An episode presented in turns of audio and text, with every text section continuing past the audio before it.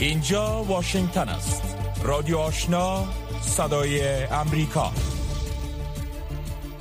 شنوندگان گرامی سلام شب شما بخیر. به برنامه خبری رادیو آشنا خوش آمدید. نسرین محمود عزیزی هستم و با همکارانم این برنامه را به توجه می رسانیم امروز 11 سپتامبر مصادف است با حمله القاعده بر ایالات متحده. کارشناسان به این نظرند که افغانستان با گذشت 20 سال از آن حمله وضعیت بدتر از 2001 را دارد. گزارش ها و مصاحبه های مفصلی را در زمینه از این برنامه خواهید شنید. اما نخواست همکارم اخبار افغانستان منطقه و جهان را به توجه می رساند دهم صادف است با حمله القاعده بر ایالات متحده. کارشناسان به این نظرند که افغانستان با گذشت 20 سال از آن حمله وضعیت بدتر از 2001 را دارد. گزارش ها و مصاحبه های مفصلی را در زمینه از همین برنامه خواهید شنید اما نخواست همکارم اخبار افغانستان منطقه و جهان را به توجه می رساند امریکایی ها 21 سال پس از مرگبارترین حمله تروریستی در خاک ایالات متحده 11 سپتامبر را با لحظات سکوت خواندن اسامی قربانیان کارهای داوطلبانه و سایر مراسم به یاد میآورند. بستگان و شخصیت های قربانیان یک شنبه در جاهایی که جدهای نبوده شده در 11 سپتامبر 2001 سقوط کرد. گرد هم میآیند. جو بایدن رئیس جمهور در پنتاگون سخنرانی خواهد کرد و اکلیل گل خواهد گذاشت. در حالی که بانوی اول جل بایدن قرار است در شانکسویل پنسیلوانیا سخنرانی کند. کاملا هریس معاون رئیس جمهور و همسرش قرار است در مرکز تجارت جهانی در نیویورک حضور داشته باشند.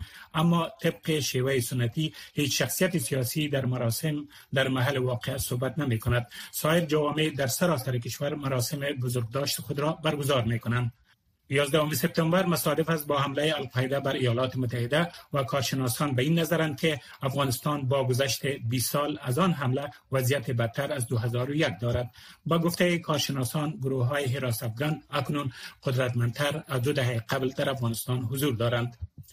حدود 21 سال قبل نیروهای اطلاع و رهبری ایالات متحده به دنبال حمله شبکه القاعده در امریکا مبارزه با دهشت افغانی را در خاک افغانستان آغاز کرد و گروه طالبان را از قدرت کنار زدند. اما افغانستان با گذشت بیش از دو دهه از رهگذر سیاسی در جایگاه قرار دارد که پیش از سپتامبر 2001 قرار داشت. با خروج نیروهای خارجی از افغانستان در آگست سال گذشته طالبان دوباره قدرت را در افغانستان به دست گرفتند و به گفته کارشناسان این بار با قوت و آمادگی بیشتر گروه های دشت در خاک افغانستان حضور دارند. شرح بیشتر این خبر را در جریان برنامه خواهید شنید. رادیوی دیو صدای امریکا بر اساس گزارش وبسایت تروریسم جنوب آسیا گزارش می دهد که از سال 2001 پس از حملات 11 سپتامبر تا اکنون بیش از 15 هزار حادثه دهشت افغانی در پاکستان رخ داده است که شامل 598 حمله انتحاری و 70 هزار نفر کشته شده است. از سال 2001 بمبگذاری ها حملات انتحاری و کشتارهای هدفمند در تمام شهرهای مهم و جاهای مهم تحت کنترل پاکستان رخ داده است و این مجموعه حتی امروز نیز ادامه دارد. اگرچه ایالات متحده و متحدانش به جنگ خود در افغانستان و نیروهایشان پایان داده و از افغانستان خارج شدند مردان دومین شهر بزرگ خیبر پختونخوا نیز در این مدت شاهد حوادث تروریستی زیادی بوده و صدها نفر در حوادث مختلف تروریستی جان خود را از دست دادند. جبهه مقاومت ملی افغانستان به رهبری احمد مسعود از حملات گسترده طالبان در مواضع نیروهای این جبهه در بخشهای ولایت پنجشیر خبر داده و مدعی شده که در این درگیری ها به طرف مقابل تلفات سنگین وارد شده است. سبقت الله احمدی سخنگوی این جبهه روز یک شنبه 11 سپتامبر در خبرنامه گفت که طالبان بر قرارگاه های آنان در ولسوالی های اونابه، رخه، بازارک، دره، آبشار و خنج این ولایت حمله کردند که این حملات با شکست مواجه شده است. احمدی مدعی شد که در این درگیری ها 32 تن از افراد طالبان کشته و 13 نفر دیگر آنان زخمی شدند. با گفته او این درگیری ها برای چندین ساعت ادامه داشت و در حال حاضر جنگ در بخش های این ولایت دوباره فروکش کرده است. در این جنگ به افراد جبهه مقاومت نیز تلفات وارد شده است که شمار دقیق آن روشن نیست. نورالله سرپرست وزارت معارف حکومت طالبان با وجود تاکید بر باز شدن مکاتب متوسطه و لیسه های دخترانه در افغانستان بار دیگر گفته است که ساکنان مناطق دورافتاده تمایل به فرستادن دختران 16 سالهشان به مکاتب ندارند. منیر در کنفرانس مطبوعاتی روز یک شنبه در مورد دلیل باز نشدن مدارس دخترانه گفت که آنها فرهنگ افغانها را می‌شناسند و همیشه علیه فرهنگ آنها قیام ایجاد کردند اما با وجود این وی گفت که حکومت طالبان در تلاش است تا شرایطی را ایجاد کند که مردم اعتراض نکنند و آموزش بر اساس اصول آنها آغاز شود. این در حال است که اعتراضات و تحرکات مدنی گسترده در افغانستان در مورد باز شدن مکاتب دخترانه صورت گرفته و از حکومت طالبان خواستند تا مکاتب دخترانه را باز کنند.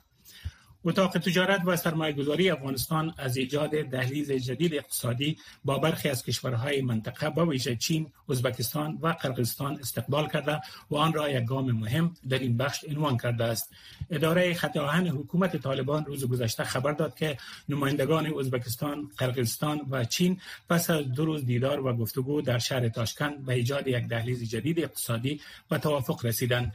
با گفته این اداره از طریق این دهلیز اقتصادی اموال تجارتی از چین به قرقیزستان و از آنجا توسط خطوط آهن ازبکستان به افغانستان انتقال می‌یابد. همچنان اجناس تجارتی افغانستان توسط این دهلیز به چین منتقل خواهد شد. خانجان الکوزه عضو هیئت مدیره این اتاق روز یک شنبه به صدای امریکا گفت که پیش از این افغانستان از طریق قزاقستان و ازبکستان با چین داد و ستد تجارتی داشت که این روند بسیار طولانی و پرهزینه بود. اخبار جهان را از رادیوی آشنای صدای آمریکا میشنوید. در حالی که 200 روز از جنگ در اوکراین میگذرد این کشور بخشای وسیع جنوب و شرق را در یک ضد حمله که مدتها پیش پیش بینی می‌شد پس گرفت و ضربه سنگین بر روسیه وارد کرد. جزئیات بیشتر از نسرین محمود عزیزی. ضد حمله در روزهای پایانی ماه آگست آغاز شد و در ابتدا بر منطقه جنوبی خرسون متمرکز شد که در روزهای آغازین تهاجم توسط نیروهای روسی اشغال شد. اما درست زمانی که مسکو توجه و نیروها را به آنجا هدایت کرد اوکراین یک حمله بسیار موثر دیگری را در منطقه شمال شرقی خارکیف آغاز کرد. همچنان وزارت دفاع بریتانیا می‌گوید که نیروهای اوکراینی به دستاوردهای قابل توجهی در منطقه خارکیف ادامه دادند در گزارش اطلاعاتی آژانس که یکشنبه در تویتر منتشر شد آمده است روسیه احتمالا قطعات خود را از منطقه خارج کرده است. اما درگیری در اطراف شهرهای مهم استراتژیک کوپیانسک و ایزیوم ادامه دارد. نیروهای اوکراینی روز شنبه گزارش دادند که کنترل ایزیوم را به دست آوردند و سربازان روسی را از دریای اوسکل عبور دادند. وزارت دفاع روسیه تایید کرد که نیروهای خود را از ایزیوم خارج کرده است و مدعی شد که این حرکت برنامه ریزی شده بود. تحلیلگران نظامی غربی می‌گویند اگر این پیشرفتها تایید شود اوکراینی ها کنترل یک راه آهن عمده را که ماسکو برای تأمین هزاران نیرو در شرق اوکراین از آن استفاده می کند در اختیار خواهد داشت. چارلز سوم پاچای بریتانیا امروز یک شنبه طی مراسم در کامبرا رسما به عنوان پاچای استرالیا معرفی شد. دیوید هرلی گورنر جنرال استرالیا این بیانیه را در مجلس نمایندگان اعلام کرد. چارلز بلافاصله به تعقیب مرگ ملکه به روز پنجشنبه پاچا شد. اما مانند مراسم معرفی پاچا در لندن به روز شنبه رویداد در استرالیا یک اقدام قانونی و تشریفاتی برای معرفی پاچای جدید به این کشور بود. چارلز در حال حاضر رئیس دولت استرالیا است که یکی از کشورهای مشترک المنافع بریتانیا از مستعمرات سابق است. مراسم مشابه در هر کشور مشترک المنافع برگزار خواهد شد. از جانب دیگر امروز یک شنبه در هند روز عزاداری برای ملکه الیزابت دوم اعلام شد و بیرق ملی در های دولتی در سراسر کشور از جمله پارلمان قصر رئیس جمهور و قلعه سرخ در دیلی نو با حالت نیمه افراشته درآمد. انتونی البانیز صدر استرالیا می‌گوید اکنون زمان آن نیست که در مورد یک همپرسی درباره جمهوری شدن این کشور صحبت کنیم در حالی که مردم در حال ادای احترام به زندگی ملکه الیزابت دوم هستند بسیاری احترام و محبت استرالیایی ها و پاچای فقید را بزرگترین مانع برای برنامه ریزی برای تغییر سیستم دولت می دانستند.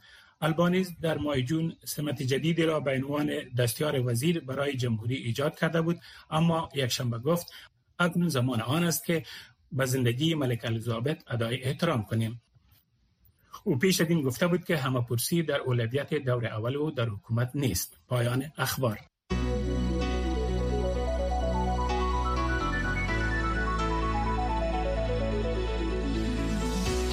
صدای امریکا در فیسبوک. facebook.com voa دری شنوندگان عزیز اخبار افغانستان منطقه و جهان را از رادیو آشنا شنیدید. آن هم توجه نمایید به گزارش هایی که برای شما برگزیده ایم. همانطوری که در آغاز برنامه اشاره شد امروز 11 سپتامبر مصادف است با حمله القاعده بر ایالات متحده.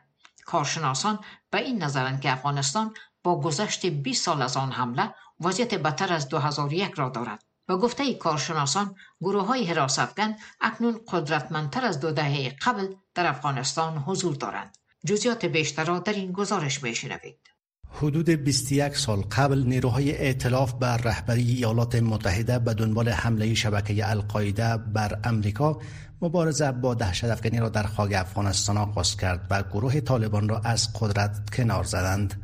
اما افغانستان با گذشت بیش از دو دهه از رهگذر سیاسی در جایگاهی قرار دارد که پیش از سپتامبر 2001 قرار داشت. حکومتی که به رسمیت شناخته نمی شود رضا قاسمی کارشناس امور صلح و روابط بین الملل به صدای آمریکا گفت که ایالات متحده در کنار کشته و زخمی شدن ده هزار نظامی بیش از دو تریلیون دلار در جنگ افغانستان هزینه کرد تا القاعده و طالبان را شکست دهد. اما نه تنها طالبان و القاعده شکست نخوردند بلکه پس از دو دهه این گروه با سایر گروه های تروریستی با قدرت و انگیزه بیشتر بر افغانستان حاکم شدند. امریکا که بر صدور و نهادینه شدن آزادی به افغانستان آمده بود پس از گذشت 20 سال ما حالا همه شاهد مرگ آزادی در افغانستان هستیم. نه تنها مردم افغانستان بلکه سه چهارم مردم امریکا هم به این نظر هستند که امریکا با خروجش از افغانستان تمام دستاوردهای 20 ساله را برباد فنا داد و به نقطه ای که ما پیش از 11 سپتامبر 2001 قرار داشتیم دوباره برگشت داد. سید جواد سجادی استاد دانشگاه به این نظر است که ایالات متحده به دلیل بدام انداختن عوامل موثر و مستقیم در حمله 11 سپتامبر برچیده شدن پایگاه القاعده در افغانستان و پایان دادن به حمایت ها از گروه های پیکارجو افراطی در افغانستان بر این کشور حمله کرد. آقای سجادی افزود که اهداف ایالات متحده و متحدانش به افغانستان عبارت بود از صدور و استقرار دموکراسی و توسعه جامعه مدنی. اما حمله ایالات متحده به عراق نبود یک نقشه راه برای افغانستان با وجود فساد گسترده و لجام گسیخته در حکومت افغانستان باعث شد که ایالات متحده برغم هزینه های فراوان با آن اهداف اصولی و پایه دست نیابد. ایالات متحده دقیقا از همون جایی که شروع کرد به همون جا پایان داد. پس از 20 سال حضور در افغانستان ایالات متحده افغانستان را ترک کرد در حالی که می‌بینیم طالبان باز هم به قدرت رسیده و گروه های پیکارجو باز هم در افغانستان حضور دارد. کشته شدن ایمن از زواهری در قلب کابل اثبات می کند که پیوند طالبان با القاعده همچنان پابرجاست.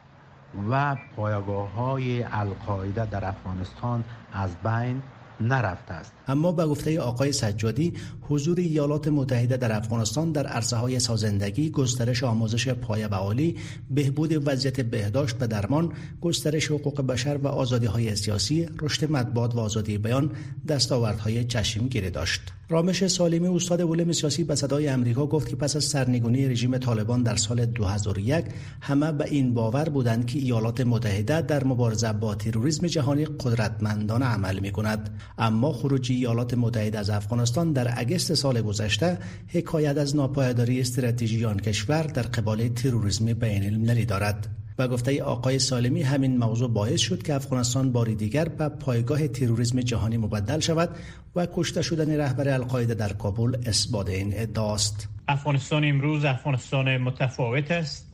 افغانستان است که امروز گروه های قدرتمند افراطی در افغانستان پایگاه مستحکم دارند و این نشانه در واقع تهدیدات دراز مدت جهانی را در پی خواهد داشت. در همین حال طارق فرهادی دیگر کارشناس سیاسی با توجه به وضعیت کنونی افغانستان و بحران اقتصادی از آینده این کشور و تهدیدهای احتمالی از اینجا به جهان هشدار داد. با جهان گوشزدی است که هر ملکی که به طرف انزوا اقتصادی رانده شود در روج فضا ایجاد میشه برای از اینکه افراطیت به وجود بیاید و سربازگیری شود برای هر گونه تروریسم که داخلی باشه و بالاخره خارجی هم باشه. با وجود همه این موارد وزارت دفاع ایالات متحده در نخستین سالگرد خروج آخرین نظامی این کشور از افغانستان گفت که مبارزه با حراس افکنی در این کشور پایان نیافته و از این پس بر نابودی ریشه های تروریسم متمرکز خواهد بود. رکو راست. صحبت های داغ صاحب نظران و نظریات شنوندگان در مورد خبرها و مسائل روز هر شام از ساعت 8 تا 9 شب در برنامه مشترک دری و پشتوی رادیو آشنا صدای امریکا.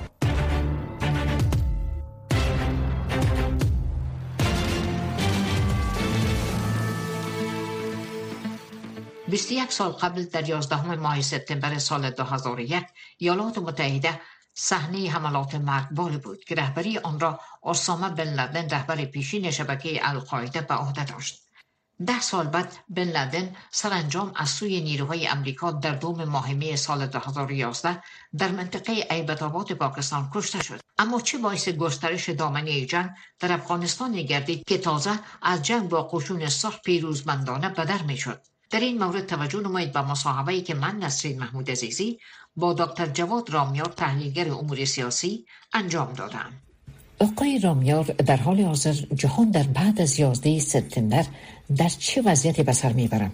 بسیاری از تحقیقاتی که انجام شده و بسیاری از صاحب نظران مطرحی که در این حوزه صحبت کردند دنیای بعد از 11 سپتامبر حداقل از لحاظ امنیتی دنیای ناامنتری شده. مثل یاد سپتامبر وقتی اتفاق افتاد تا مدت ها نگرانی های وجود داشت که جایگاه آمریکا بعد از یاد سپتامبر چی کار میشه و چی اتفاقاتی خواهد افتاد. از های مختلفی بررسی شده از اقتصادی و خصوص و در بعد از مسائل سیاسی امنیتی.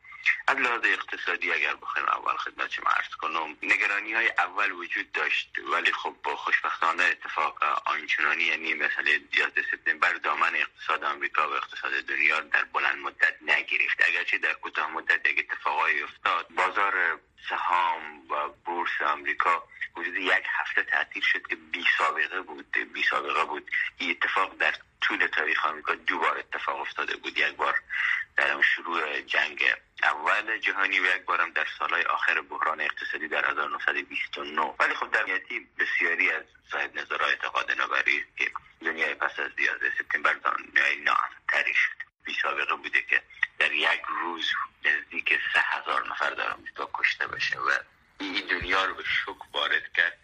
بگونی پاسخ این همه خونها رو باید یک, یک تصمیم بزرگ البته تصمیم بسیار سختی بود و جناب دکتر سب همیشه حرف شما را قطع می کنم در که تراهان حملات 11 سپتامبر همه از اینا غیر افغان بودن اما چی باعث شد که دامانی جنگ علیه توریزم در افغانستان کشانده شود؟ بگونی یک انتقاد و بگونی هم یک, یک قسمتی از واقعیته ببینین دولت وقت افغانستان اگرچه مشروعیت بین المللی نداشت چنانه که امروزه نداره بود. حاضر هم نشد که در مسئله تحویل دهی اسامه بن لادن به ایالات متحده در اون زمان همکاری کنه. و گونی او تصمیمی که ایالات متحده و حاکمان وقت از او می‌خواستن بگیرن عملکرد طالب او مسئله رو تشدید کرد. یعنی قوت بخشید که اونا قاطعانه وارد صحنه کنه و به خاطر از بین بردن اسامه بن لادن دستور حمله به افغانستان رو بدن. مردم افغانستان اگر بخواین این رقم صحبت کنیم در مجلس حادثه سپتامبر هیچ نقشی نداشتن. یک مسئله دیگه هم البته در در بحث های تیوریک هست که بعد از 11 سپتامبر یک پروژه در امریکا کلیک خورد و راه افتاد به اسم پروژه دموکراسی سازی خاور میانه بعد از خب جنگ عراق هم بر اساس همون پروژه شروع شد و اتفاقای سیاسی که در از کشورهای دیگه در خاورمیانه اتفاق افتاد. همه اینا به تبعی از او بود که متاسفانه پروژه هم جواب نداد. و دیدیم که در 2021 و با خروج از افغانستان بدون پروژه تمام شد دیگه. در اینجا سوال خلق می شد که این جریاناتی که در برابر توریسم صورت می‌گیره این مسائل آینده سیاسی افغانستان چگونه رقم می‌زنه؟ مخصوصا کشته شدن ایمن الزواهری در کابل. ببینید آینده سیاسی افغانستان متاسفانه کماف سابق یک آینده نامعلوم و تاریکیه و یک مشکلی که این روزه افغانستان داره ایه که خب یک گروهی که دنیا رو به رسمیت نمی‌شناسه و من تحقیق انجام ندادم و تحقیق هم تا حال انجام نشده و خود طالبان هم تا حال حاضر نشدن خود و مشروعیت خود رو بیاین و از دیدگاه مردم افغانستان بسنجن ولی آن چیزی که واقعا واضحه و روشنه و بدون تحقیق می‌تونیم در مورد او صحبت کنیم یه که طالبان به بحران مشروعیت در افغانستان مواجه نمی‌خواه با حداقل با این تفکر و با این سازوکاری که روی دست گرفته نمی‌خواه ولی خب آنچه هست اینا امروزه در افغانستان حاکمیت دارن. ولی مسئله افغانستان یا آینده سیاسی افغانستان یک آینده تاریکیه. جریان طالب هنوز آلترناتیوی نداره. آلترناتیو متاسفانه 20 سال حاکمیت گذشته به خاطر دلایل متعددی مثل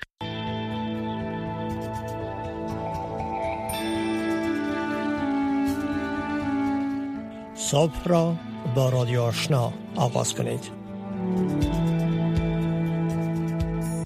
و در ادامه گزارش ها تأثیرات اقتصادی ناشی از ویروس کرونا باعث گردیده تا بسیاری از تشبسات خرد و بزرگ در شهر نیویورک مسدود شود یکی از اینها که بخشی از تاریخ ایالات متحده محسوب می شد موزیمی در شهر نیویورک بود که یادهای 11 سپتامبر را در اذهان بازدید کنندگان آن تداعی می کرد. انشمن خبرنگار صدای امریکا از نیویورک گزارشی دارد که روی زمانی به توجه می رساند. از زمان تأسیس موزیم یادبود قربانیان 11 سپتامبر در سال 2006 در شهر نیویورک هزاران نفر از بازماندگان این حملات فرصت تعامل با دیگران را پیدا کردند تا درد این رویداد را با هم شریک سازند.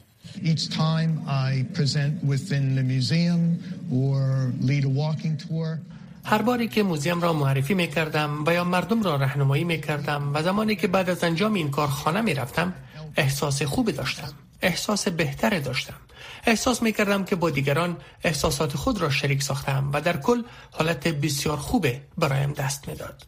اما فشارهای اقتصادی ناشی از ویروس کرونا باعث شد تا این میزیم بسته گردد. درآمد ما از داخل و از بازدید و فروشات که در این موزیم صورت می گرفت به دست می آمد. متاسفانه بدون بازدید کنندگان از اینجا ما قادر نبودیم تا نیازمندی های این موزیم را برآورده سازیم. جینفر ادمز وب می افزاید که میوزیم به طور اوسط سالانه 300 هزار بازدید کننده را قبل از شیوع ویروس کرونا میزبانی می کرد اما در سال 2021 فقط 26 هزار نفر از این میوزیم دیدن کردند. در این میوزیم وسایل شخصی قربانیان 11 سپتامبر به نمایش گذاشته شده بود که شامل بکس جیبی، بود و کارت های هویت قربانیان می شد اما آنچه را که این میزیم به گناه متفاوت پیشکش می کرد فرصت برای ملاقات و تعامل با بازماندگانی بود که تجربیات شخصی خود را از آن روز با هم شریک می کردند. We've trained them through a pretty intensive training program to be able to articulate their stories um, ما آنها را از طریق یک برنامه آموزشی بسیار فشرده آموزش می دادیم تا آنان قادر شوند که روایت های خود را به گونه خلاصه در ظرف 15 دقیقه را با حقایق و ارقام از رویداد 11 سپتامبر بیان کنند. آنچه را که ما از بازدید کنندگان می شنیدیم این بود که می گفتند این بسیار الهام بخش است. آنها به اینجا می آیند تا در مورد مورد ترین روز تاریخ امریکا بشنوند و با شنیدن این داستانهای پر از شجاعت و الهام بخش این موزیم را ترک گویند. بسیاری از اجناس به گذاشته شده در موزیم یادبود 11 سپتامبر به موزیم ایالتی نیویورک در البانی منتقل می شوند و هنوز هم بازدید کنندگان آن را به صورت آنلاین مشاهده کرده می توانند اما حامیان این میوزیم می گویند که ارتباط شخصی بین بازماندگان 11 سپتامبر و بازدید کنندگان ممکن است برای همیش از بین برود.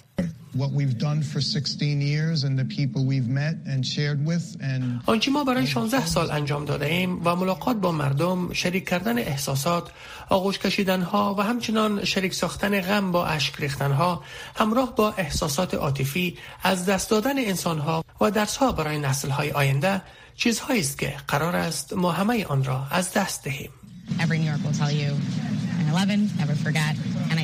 هر نیویورکی به شما خواهد گفت که 11 سپتامبر فراموش نشدنی است و این موزیم واقعا به مردم فرصت می‌داد تا هرگز فراموش نکنند. این شرماور است که این موزیم دیگر نیست. و به این ترتیب یک فرصت برای تعامل با تاریخ زنده این کشور از دست رفت.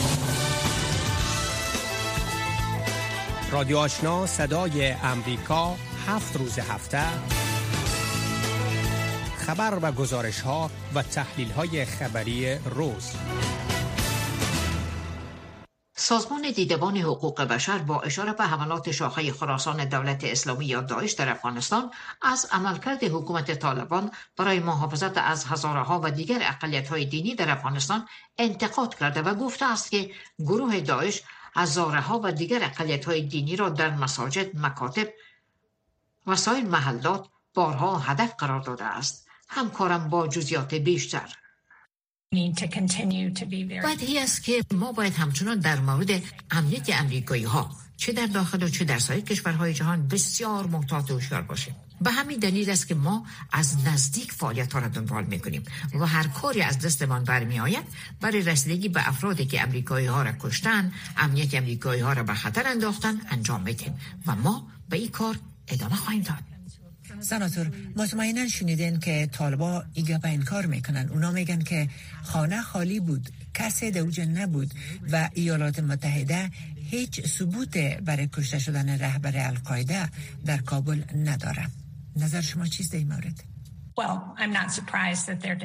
خب ما تعجب نمی کنیم که اونا این موضوع را انکار می‌کنن. اونا برای مدت طولانی ارتباط خود با القاعده انکار کردن. اونا گفتن که قرار است این رابطه قطع کنن اما نکردن.